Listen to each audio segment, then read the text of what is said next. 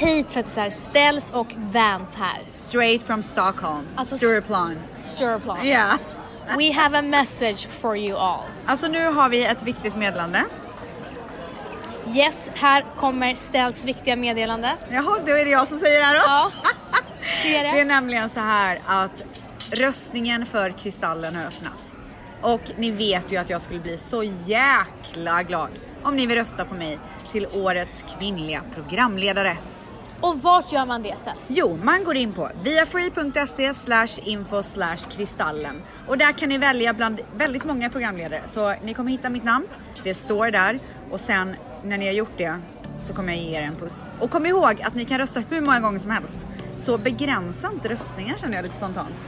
Vi skulle verkligen uppskatta det här. Gumman, kommer du rösta på mig? Jag har redan gjort det gumman. Nej, jag tror du ljuger. Jag ljuger. Men gör det då! Jag gör det, Okej, det. klart slut på meddelandet. Nu sätter vi igång veckans podd. Kör det!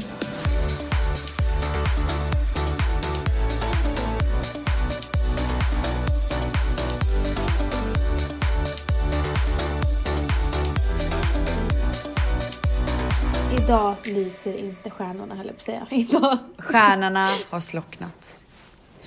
Stjärnorna har slocknat. Varför har dina jag, stjärnor slocknat gumman? Ja, men jag är fett jävla trött och min gnista för Matteo är släckt för tillfället. Fan, den var ju liksom, den lös ju som aldrig förr sist vi pratade. Nej, inte sist vi pratade men Va? några... Du sa, Nej, jo, det, det tror jag verkligen att du sa. Nej, sist vi pratade innan vi ens satte på så sa jag att han är vidrig mot Valentin. jo, men jag menar sist vi pratade, alltså förra podden, gumman. Nej, det var inte sist, men jag vet när det var. Det var typ två veckor sedan. Men alltså, du sa vidare. Ja, skitsamma. Ja, i alla fall, Eh, väldigt nyligen så lös gnistan. Den, it just sparkled. Ja. It ain't fucking sparkling right now. Okej, berätta vad det är som händer. Jag vill, jag vill avskeda honom. Han får sparken nej, men helt alltså, enkelt. Han är vidrig just nu. Alltså, han, han tar inte ett nej. Han kastar saker, han slåss. Eh, och han ska verkligen visa att det är han som bestämmer. Men sen bara vänder han som en tvilling han är. Åh. Och ger så mycket kärlek. Och vad gör, är allting förlåtet då? Nej men han är så gullig när han säger förlåt. Alltså han säger förlåt mamma och, och, och kramar mig. Vad fan ska Åh jag göra? herregud, nej vad gör man då? då är ju, allting är ju glömt. Men du vet, vi har ju en grej och det är ju så här. Ett, två och så på tre, då kan han in i rummet. Ja. Ja. Och nu har han, snorungen, börjat kasta sig själv in på rummet. Matteo, ljummet! Och så Nej. går han in och stänger rummet. Åh, och jag och Valentina bara, helvete. Igår så gjorde jag IV eh, drip, det är ett så här Ja. vitamin. Ehm, och hon sjuksköterskan som gjorde det på mig, och hon hade en son som var, han fyllde två i oktober. Mm. Så vi bondade ju på det liksom och bara berättade hur härlig vår unge var. Men sen kom det fram att hennes unge var ju inte alls härlig. Vägrar sova. Han kan inte sova. Nej, alltså han är uppe till midnatt. Till ett, två på nätterna. Jag bara, men När erkände hon det? Nej men det, det smög fram typ under snackets gång. Eh, typ så fort när hon blev lite tröttare typ. Jag orkade inte mer. Jag kan inte ljuga Nej hon orkade inte hålla uppe fasaden typ. Men hon bara. Eh, jag bara, men vad händer om du ligger i säng, alltså så här, släck ner, ligg i sängen, ha honom bredvid dig och bara låtsas sova. Hon bara, han sitter i mörkret och leker. Nej. Vilken Och, och sen, ja, och sen eh, vill han ha uppmärksamhet så då börjar han slå och sparka henne och pussa henne och krama henne och liksom. Han vägrar sova. Ja, men varför är din, varför är den här dagen mörk för dig? Alltså du fattar Gumman. inte vilket Berätta sms jag vaknade upp till. Ja, berätta. Eh, vi håller ju på och vänjer av Dion att dricka mjölk mitt i natten för det började han ju med när han fick separationsångest. Mhm. Eh, så att han har ju druckit typ så här två, tre flaskor om natten, vilket är helt sjukt. Jag vet. Det är det sjukaste jag hört. Nej, men det är det s- sjukaste jag har hört. Nej men det är så sjukt. Det är det sjukaste jag har hört För att det är jag. efter. Aha. Nej, efter. Midnatts... Jag såg din son använda Crocs.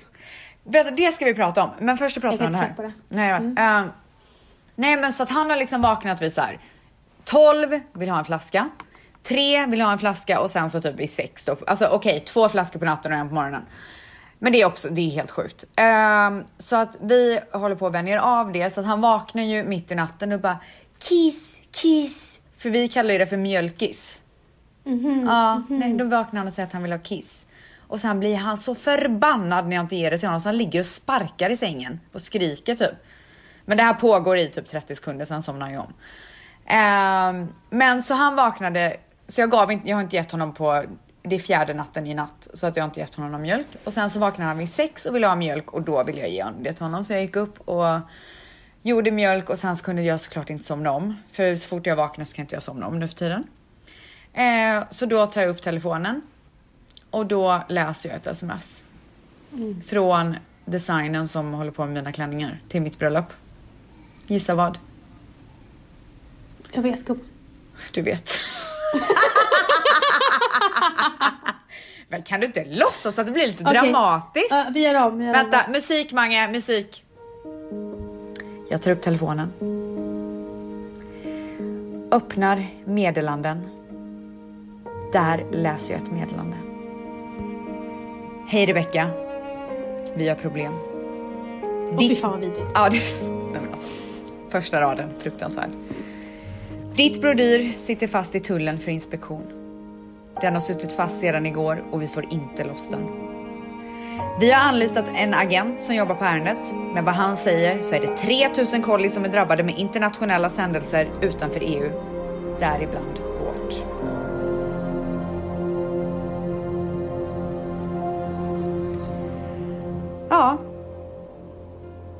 Jag ska alltså hoppa på ett plan imorgon för att gå på min fitting.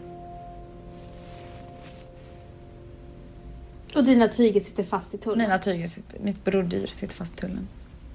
Så det här är så vidrigt så att liksom, alltså jag har fått tio grå hårstrån. Vad är det för karma?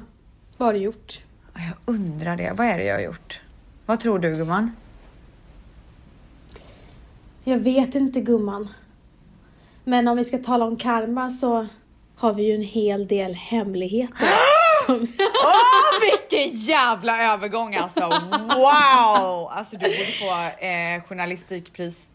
Mangs, den där är du stolt över. Alltså det, jag vet vad, jag tror att han jublar just nu. Ja. Mangs, kan vi få höra, klippa in lite jubel bara, gör det bara. Ja. Alltså ditt egna, inte ja, något jävla hittepå liksom. Wow! Woohoo! Ja, nej men så att det var, det var min morgon. Eh, och sen så eh, vill jag bara gå in på ett sidospår lite snabbt innan vi mm. tar veckans ämne och det är ju då att min son har börjat använda Crocs. Mm. Och... men vänta, vänta inte, det är inte bara det. Nej. Kommer ni ihåg i förra veckans avsnitt när Ställs berättade om den lyssigaste, lyssigaste födelsedagsfesten med eh, The Weeknds advokat och allt vad det var. Nej, då glider alltså Dion in med en Fendi-keps ja. och Crocs. Och ja. Crocs. Och en ny, splillrans ny tracksuit från Adidas Pharrell eh, designsamarbete. Och så toppar han det med Nej, han toppar inte det, han, han bot... Nej, han, nej. Alltså det var en total toppning. Det, var, det är Crocs och jag kan säga så här. Det är för fan det gulligaste jag har sett. Alltså Valentino var i chock.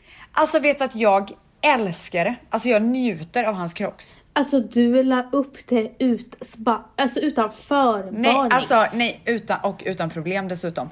Trodde eh, du att jag, du skulle komma undan? Trodde du inte att jag skulle Nej men jag tror att alla tycker att det är lika gulligt som jag tycker. Alltså, vet du vad? Alla har sagt till mig, vänta bara Vanessa tills du, du får barn. Du kommer också använda crocs. Jag äl, nej men alltså jag äl, vet du att jag är typ sugen på att köpa ett par till mig själv. Då, då vet inte jag om jag vill försöka podda med dig. men du, crocs att är livet. Men vet du att jag skulle vilja köpa några så här coola crocs till honom. Jag vet att, att Balenciaga gjorde för vuxna, men kan man hitta några så här coola till barn? För i så fall Jag kan inte jag släppa det att, att Manny tillåter det här. Jag kan inte släppa det. Alltså han tillåter det verkligen. På en lyssig födelsedagsfest. Du, den var så lyssig gumman. Och så glider min son in där och är så lyssig också. Men du gumman, en annan sak gumman. Mm. Mm. Ja. Åh gud, det är skönt att man kan skratta efter alla de här tårarna. Ja. Men du, jag tänkte säga... ehm, nej men alltså Dimpan, för det första så kan ju Dimpan ta på sig crocksen själv. Ja. För det andra så får ingen annan hjälpa honom när han tar på sig dem för då blir han fly förbannad. För det tredje så tar han aldrig av sig dem. Han älskar dem. Han har på sig Mate- dem hela tiden. Inomhus. Matteos, Matteos skofetisch. Ja men Dion också. Alltså generellt. Ja men då kanske det är någon grej med barn då. Ja. För, nej, det tror jag inte. Nej för Dion är besatt av skor. Ja, Matteo med. Alltså när han får nya skor, alltså han sitter ju och, och så här. Wow! Ah. Alltså han är så stolt. Så att ja, han älskar skor. Ja men du gumman, nog pratat om oss. Ja, nog pratat Ja, om oss. alltså, nu, alltså nu börjar man prata om barn hela tiden. Det. Framförallt, framförallt nog pratat om Matteo. Ja, du är så trött på honom. Men du, vad, ska du liksom bara så här eh, avskeda honom, han får gå ner från sin chefsposition till något så enkelt eh, lagerarbete? Han det går från händer? Zlatan till back. Okej, men du påstår att Och min son ska vara inte sig, back. då blir men han din, målvakt. Men alltså du påstår att min son ska vara vakt, men du tar ner din son som bestraffning. Ja, jag menar vakt. Vakt! Back menar jag. Nej gumman, vet du vad vi kör bara för nu orkar inte jag mer. Alltså jag kommer börja gråta. Jag är jätteinstabil. Okej, okej. Jag Nu- börjar. Men nej vänta, stopp. Vänta, Ja. stopp. Nej, nej, nej. Ja. Nu börjar veckans ämne. Vi ska läsa upp era mörka hemligheter. Alltså gummor, jag varnar för det sjukaste, äckligaste någonsin. Kan absolut inte skriva detta från mitt riktiga konto. Hon har alltså skrivit från ett fejkkonto. Okej, alltså jag var utomlands med min pojkvän. Obs, vi var väldigt nykära då och det var vår första resa ihop. Med andra ord vill man ju vara sådär supersnygg och fräsch, ni vet. Men gumman blev dålig i magen under semestern och fick diarré. Antar att det var för att det kanske var en annan bakterieflora där. Mm, min mardröm. Över till hemligheten och bland det värsta som någonsin hänt mig. Vi ligger på stranden, allt är nice, vi solar, dricker juice och så känner jag bara att magen börjar låta lite mer och mer. Till slut börjar det krampa och jag får hur ont som helst och jag blir panikbajsnödig. Jag får då panik och ber om rumsnyckeln till hotellrummet, sa att jag skulle hämta solglasögon och jag känner bara mer och mer som att jag håller på att bajsa på mig. Så jag börjar liksom gå i panik mot rummet längs stranden och när det är bokstavligen tre sekunder ifrån att jag ska spruta bajs så är jag utanför rummet. Ni vet, man blir alldeles svimfärdig som panik fick jag. Jag hinner precis låsa upp dörren och bam! Det sprutar diarré inne i hotellrummet i min bikini överallt. Jag gråter för att det är så äckligt och jag ringer min mamma i panik. Haha, nej, men alltså jag börjar torka i panik och dra duschslangen och städar allting typ tio gånger med massa medel för att det inte ska lukta någonting. Det funkade självklart, men kan ni fatta min panik? Så kommer jag ner till honom 30 minuter senare efter en panikattack på rummet och han har fortfarande ingen aning om att jag precis diarréade ner i hela vårt rum. Notera att jag aldrig någonsin ens skulle kunna säga att jag måste bajsa eller prutta framför honom. That's a big no for me. Det var min story. Hoppas alla tretsar att ni kan skratta åt detta trauma, trauma jag var med om. Puss. Alltså jag blir bajsnödig bara jag hör den här historien. Alltså, Har du varit med om det där? Nej, alltså jag har inte diarréat ner ett helt rum. Har du gjort det? Nej men, nej. Alltså, är det vanligt typ eller? nej men har du varit med om att du håller på literally bajsa på dig? På en dejt typ? Nej men alltså att du sitter på en middag eller du är med någon och du kan liksom inte gå. Nej, jag har alltid kunnat gå om det var i panik. Alltså jag har alltid också kunnat gå, jag har aldrig varit med om en olycka. Nej. Men däremot har jag varit med om att nu, nu, nu, nej men nu, nu bajsar Ja, jag nu är det kört. Nu är det kört. Alltså Nej, det värsta är ju, 100%. det Om man trycker är... in, man trycker in och det är så här, jag, hela kroppen, det bara kryper i hela kroppen. Nej men alltså man blir kallsvettig. Totalt kallsvettig och Ja. man tänker så mycket katastroftankar. Ja, ja, jag vet. Men det värsta är när man väl sätter nyckeln i låset. För det är Ja. då, det, alltså det är då man bara, nu är det kört. Du vet när det bara, Där- vet nyckeln går in. Nej. Därför att då är det som att hjärnan bara, det är så nära nu så Ja. du kan. Ja. Du kan släppa Ja. taget. Ja. Du bara, nu, den bara, du kan slappna av Rebecka. Säger hjärnan. Men alltså jag har alltid sagt tack, bara tacka gud att jag inte har bajsat på mig för det har varit nära. Eller fjärtat högt. Har du gjort det någon gång? Något pinsamt? Ja, i sömnen. I sömnen. När du har varit med någon kille typ? ja. Blir, då Alltså- blir man ju stel. Fast du är ju inte så, jag är ju en person som inte pratar, alltså jag är ju ingen sån som pruttar och håller på framför mina partners. Men om du skulle prutta i sömnen eh, när du sov med Valentino nu, vad händer då? Skulle du jag bry dig då? av det. Vad sa du? Skulle jag du bry dig då? Det var jobbigt. Och Ja, men gud, tyckte jag hade brytt mig så lite. Alltså Ja, jag jag skulle, jag skulle lätt kunna lägga en fjärt framför Manny. Jag vet det och det är så jävla sjukt för jag skulle inte kunna göra det. Jag lackar ju sönder på Valentino när han gör det. Gud, alltså- Han bara, vad vill du att jag ska göra? Ska jag ha ont i magen? Jag bara, gå till toaletten och Men prutta. alltså det är inte samma sak för då håller man inne och sen så kommer man få ont i magen. Men du, vi går vidare. Okej, vi går vidare. Hej bästa Vanessa och Rebecca. Jag är en 27-årig tjej som gifte mig i november 2018. Vi har allt som allt varit tillsammans i strax över fyra år. Jag har varit otrogen mot min partner från, månader efter, från månaden efter att vi började träffas till senast i mars i år.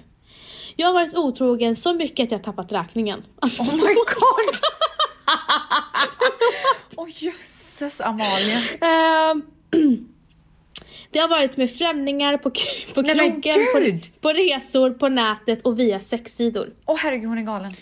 Ja, det sjuka är att jag har inget dåligt samvete. Nej jag hör det, det är därför hon är galen. Jag har varit otrogen i alla mina förhållanden och jag har haft svårt att hålla mig till en. Trots detta så älskar jag min man och vill leva med honom resten av mitt liv. Jag kanske måste tillägga att jag har blivit diag- diagnostiserad med antisocial personlighetsstörning. Ja. Där man har svårt att känna empati. Förlåt. De enda gångerna jag känner empati och då jag gör det starkt är det mot barn, djur, fattigdom och sjuka människ- m- människor fysiskt. Gud. Ni får döma mig, det gör jag varje dag. Ja. Alltså förlåt jag- att, vänta jag måste bara säga en sak. Förlåt att jag sa galen men det var bara en snabb reaktion. När man läser en sån där grej så, så reagerar man ju.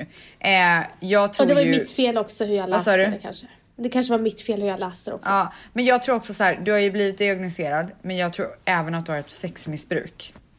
Vad det jag skulle säga. Ja. Eh, Alltså- så att, så att jag, jag blir, alltså nu, nu skäms jag att jag sa galen. Men det var ju en reaktion.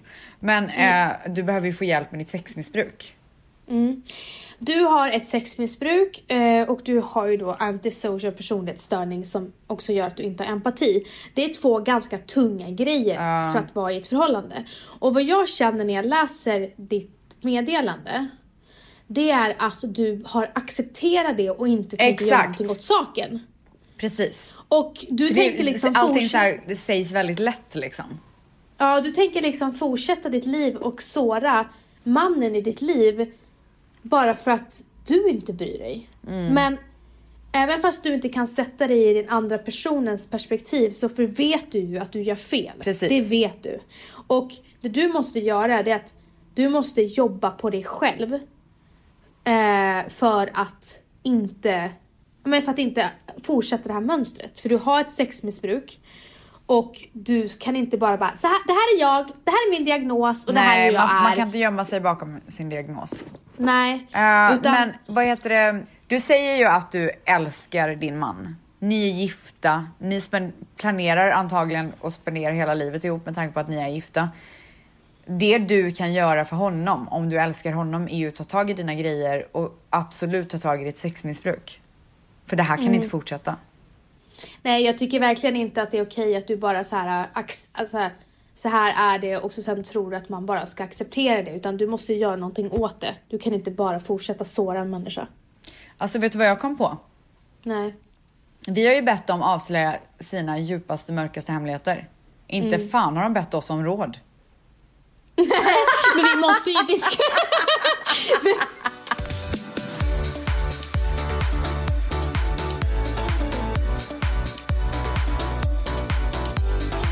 Jag ska berätta min störstaste, störstaste hemlis. För några år sedan var jag tillsammans med en kille. Vi vart snabbt seriösa och flyttade ihop, skaffade hund och hela köret. Han var otroligt osäker i sig själv och extremt svartsjuk. Frågade, frågade ständigt ut mig om gamla ex och gamla ligg, vilket jag var väldigt obekväm med. Så jag drog en vit lögn och sa att jag varit enbart med en kille innan honom. Inte sant, för jag var ung och galen och väldigt sexuellt aktiv. Också en gubbe som svettas. Har han gjort det. I alla fall så sa jag att den killen jag varit med innan honom var ett gammalt ex som han kände till då vi alla var från samma trakt. Så med andra ord så har hon sagt till den här killen att hon bara har legat med en kille innan och att det är något som han vet om. I alla fall, en dag var det dags att träffa hans släkt som då bodde i Stockholm. Jag hade ingen aning om vem de var och visste i princip inget om någon i hans släkt eftersom att han alltid sagt att han haft dålig relation till dem. Det första jag ser när vi kommer till restaurangen är en man som jag tidigare haft sex med. Tänkte att okej, okay, jag gör mig lite snyggt så ser han inte mig. Sen visade det sig att mannen är hans pappa. Ursäkta? Det här var så sjukt stelt. Jag kände bara hur jag blev varm i hela kroppen och ville springa därifrån.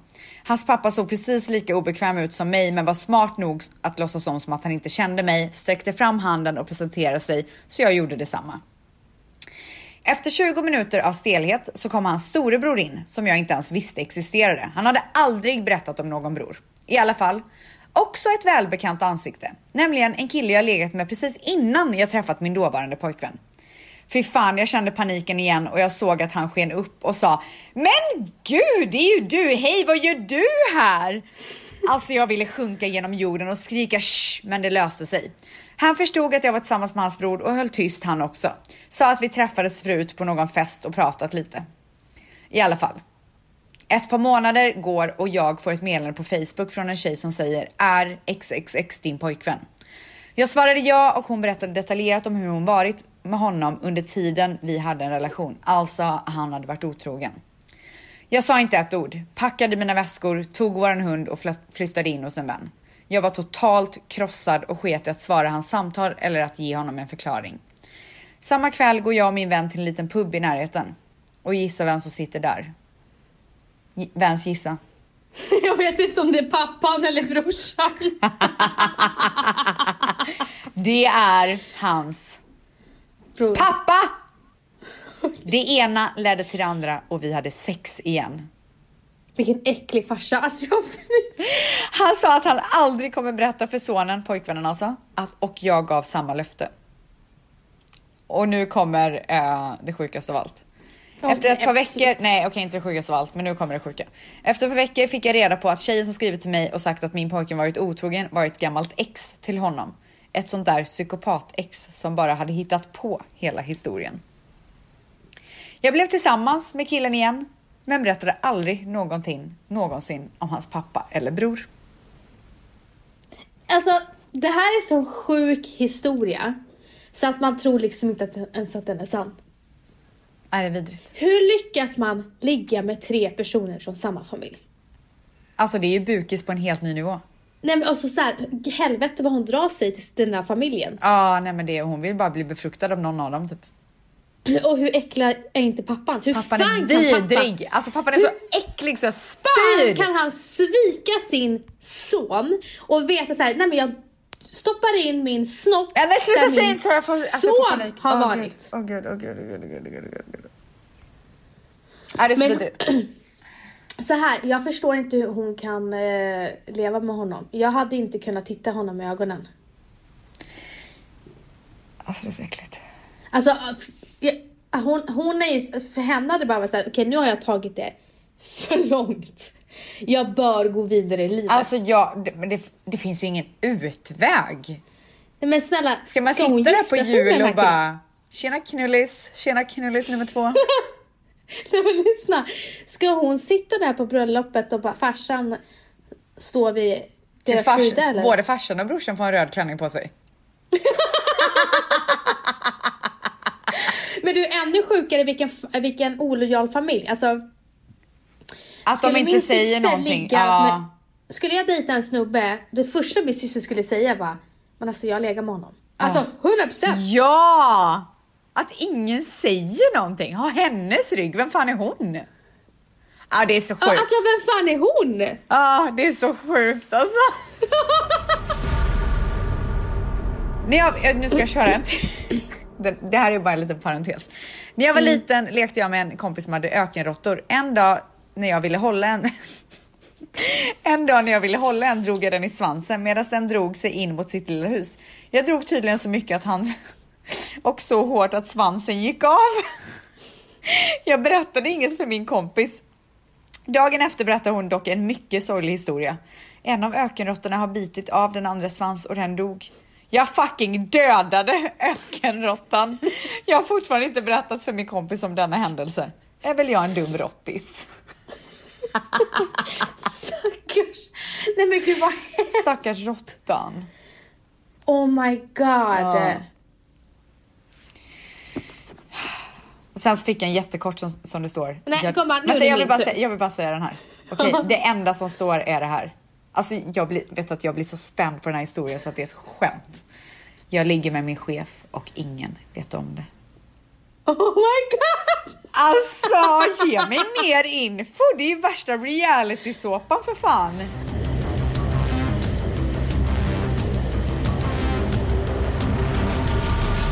Okej, nu läser jag en tung, Åh nej. men den är kort. Okej. Jag var med om min första våldtäkt när jag var sex år. Min pappa behövde pengar och det pågick varannan vecka tills jag var 12. Dagen han gick bort var den bästa i mitt liv. Åh herregud. Många psykologtimmar senare och jag, är en, jag kan äntligen kalla mig för frisk. Från psykisk ohälsa.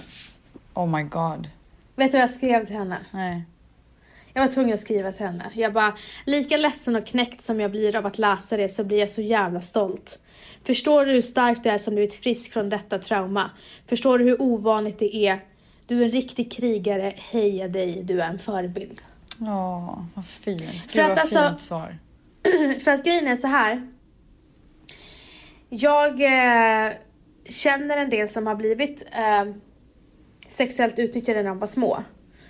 Och det krävs extremt mycket styrka och eh, att ta tag i den här trauman. Det, eh, det krävs så mycket hjälp och speci- specialhjälp. Man kan inte bara man kan inte kanske bara gå till en vanlig psykolog utan man måste gå till en någon som verkligen förstår det här traumat.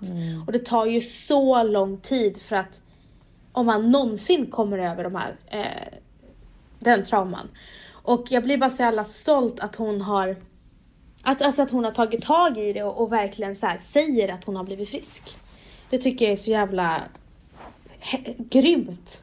För man får ofta höra att folk inte blir det och börjar med droger eller börjar med andra missbruk bara för att dämpa ångesten. Och den här tjejen har verkligen hon har verkligen vänt det och bara jobbat med sig själv och det tycker jag är så jävla Ja, det är riktigt jävla Grymt. coolt alltså. Ja, riktigt jävla coolt att hon är ett bevis på att hjälper man, eller så jobbar man med sig själv, då, då, då, då, kan man bli, då kan man bli frisk, bara man vill. Djupaste hemligheten. Den är rätt hemsk om man tänker efter. Jag är uppväxt med en mamma som var en arbetsnarkoman, spenderade i stort sett hela min barndom bakom disken på en restaurang till sena kvällar med fulla människor. Min pappa är alkoholist, drogmissbrukare och har ett stort spelmissbruk. Min mamma lämnade min pappa när jag var sex år. Bodde hos han varannan helg. Oj vad jag hatade de helgerna och oj vad jag ångrar att jag aldrig vågade berätta för mamma.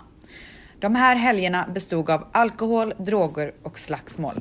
Min pappa klarade inte av att vara nykter för smärtan och ångesten blev för stor. Han slog både mig och min äldre bror, men min äldre bror fick ta det mesta av skiten. Det var aldrig vår pappa som nattade oss till sängs utan min pappas fulla kompisar.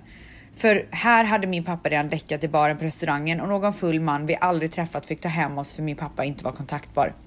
Detta vet ingen av mina vänner, knappt min mamma. Jag och min bror har valt att vara tysta om detta på grund av att vi älskar ju pappa och vill aldrig honom något illa. Men detta har ju gått för långt så varken jag eller min bror kan ha kontakt med honom något mer, vilket såklart är synd, men vill bara berätta att om du är i en situation där dina föräldrar inte behandlar dig bra, så våga berätta. Har hållit detta inne i 10 år, min bror är 11. Det blir så jobbigt när man får frågan, vart är din pappa? Och du vet inte ens själv vad han gör, hur han mår, vilka som är runt honom. Våga säga ifrån och våga be om hjälp. För din skull, inte för din förälders. Jag började faktiskt gråta när jag läste den här. Ja, alltså gången. wow. För att eh, hon, hon låter, det är en ung tjej och hon låter så jävla klok. Eh, och vi har ju fått höra lite, du och jag, historier om barn som far illa. Och ingen vågar prata om det. Ingen. Nej. För att de har så dåligt samvete för sina De vill inte föräldrar. göra De vill illa eh, sina föräldrar. sina föräldrar. Mm. Nej. Och när en tjej som har varit med om det här och har varit i det och är ju, hon har ju fått klippa med sin pappa, Mm. men att hon i slutändan säger till, med erfarenhet, ni måste Ja, prata om det. Exakt. Hon har varit med om det, hon har lärt sig av det och nu vill hon att andra inte ska göra samma misstag som hon gjorde. För hon berättade inte och det är hennes största misstag. Verkligen. Och det är det här ständiga dåliga samvetet som barn har. Men du gör ju dig själv en otjänst om du inte pratar om det. Därför att tänk också så här, om du pratar om det så kan det också vara en vändpunkt i den här förälderns liv som är kanske alkoholist eller ni blir slagna eller vad det nu är hemma. Det kan ju bli så här att man får ett uppvaknande. Eller att den här personen får hjälp med sitt missbruk. Eller det kan ju inte gå det kan ju inte gå... Det kan ju bli någonting positivt av Exakt. det också. En sak som är säker är att det blir absolut inte värre av att du berättar. Nej. Även fast det finns föräldrar, för att jag har fått mejl om det också, som ger barnen dåligt samvete. De säger så här, vill du verkligen göra pappa ill- illa genom att berätta det här till socialen? Och, vill, och de är verkligen så här, printar in det i Fan vilka barnens... hemska människor alltså. Ja, jag fick ett jätte, jättelångt mejl om en tjej som var med om eh, psykisk misshandel och han gav henne så extremt dåligt samvete så hon har inte vågat eh, säga någonting. Eh, och tr- jag, och då, då förstår jag att barnet inte gör det om pappan säger så här, vill du att pappa ska hamna i fängelse? Nej, är det det du såklart. vill? Usch. Men jag tror bara att det är så viktigt att man pratar med en, en, en vuxen som kan förklara hur processen ser ut. Att det är inte så att de hamnar i fängelset det första de gör. Och, eh, jag tror bara att det är så himla viktigt att hitta någon kurator eller någonting där man kan som man får prata med. Ja, och framförallt så här, tänk inte på dina föräldrar, att du gör det för dina föräldrar, utan tänk att du gör det för din skull. och Då din kanske- framtid. Ja, exakt. Jag har aldrig kommit. Varken under sex eller masturbation. Masturba- Masturbation. Masturbation. Master- Ja, masturbation. masturbation. Masturbation. Masturbation. Masturbation. Eh, har även legat med nio olika personer utan lycka. Oj. Och jag kan säga dig gumman att det här är mycket vanligare än du tror. Mm. Och varför är det så ställs? Alltså, varför? Jag tycker inte att det är nice att sitta här och prata om sex och du vet det. Varför ska du sätta mig on the spot? Nej, alltså vi pratar inte om dig. Vi pratar allmänt varför tror du att det är så Nej, att jag vet svårt? såklart att du inte pratar om mig. Varför skulle det handla om mig helt plötsligt? Ja men, Men du ska kan vi sitta här och ge sex så allmänt? sextips typ, eller vadå? Nej men du kan ju prata om sex allmänt gumman. Jag tror att det är så här att eh, för det första så vet inte killarna vart saker och ting är. Nej, du vet inte vart det ligger. Men alltså, jag, jag tror bara att eh, hon måste lära känna sin kropp och sen lära mannen i fråga. Precis. Har hon inte kommit igenom onani, då vet ju inte hon heller riktigt hur hennes kropp fungerar. Men ha, sa att- hon att hon inte hade gjort det eller? Ja. Ja, okej. Masturbation. Hon hade inte kommit igenom masturbation. Och eh, då är mitt tips att man experimenterar fett mycket på sig själv. Så, så att behöver man inte förlita sig på snubben. Då när man har sex så man bara du det är så här du ska göra, det är så här jag vill ha det. Det är så här jag kommer. Det är mitt tips. Ibland när min kille har druckit alkohol och är däckad så brukar jag ta hans tumme och öppna hans telefon och titta igenom den. Creep! Alltså creepily creep. Alltså creep eller creep. Alltså, Skulle du wow. kunna ta Mannys tumme när han är däckad full och bara Alltså jag hade aldrig kunnat det. Nej men alltså vad är det för Alltså vilken galning. Nu säger jag galning igen men det här är ju galet. Gumman, om du inte litar på din man så får du faktiskt konfrontera honom. Och, eller så får du göra slut. Du kan inte hålla på på det där sättet. Alltså det är så sjukt.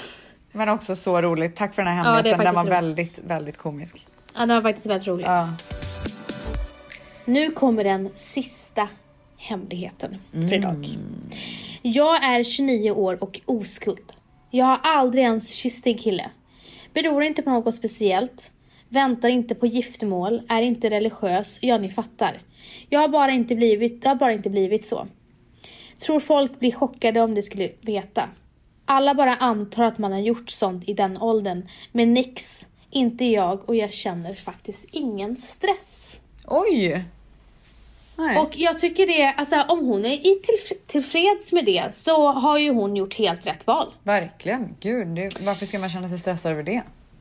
Alltså när jag bodde i Umeå, där var det en jävla stress. Ja, det har hets i min stad också. Det, var ju där, Det det, är därför. Det är därför man, eh, det är så många som förlorar oskulden så tidigt i eh, småorterna. Så jag tycker bara att det här låter harmoniskt. Jag tycker det låter sunt. Ja, faktiskt. Ja. Och med de orden gumman. Men alltså... eh, Ställs gärna funkar inte för att hon är så stressad över sina klänningar. Och hennes ögonfransar har gått ihop i varandra. Alltså gumman, jag ska åka och göra mina fransar nu. Mm, det behövs gumman. Jag vet gumman. Love ya. Ha det gött allihopa. Det var jättekul puss. här. Tack för alla hemligheter. Ja, det måste vi säga. Tack snälla för att ni delar med er av era hemligheter. Nästa vecka ska jag och Vans dela med oss av våra mörkaste hemligheter. Skoja, det ska vi inte! Puss och kram! Puss och kram!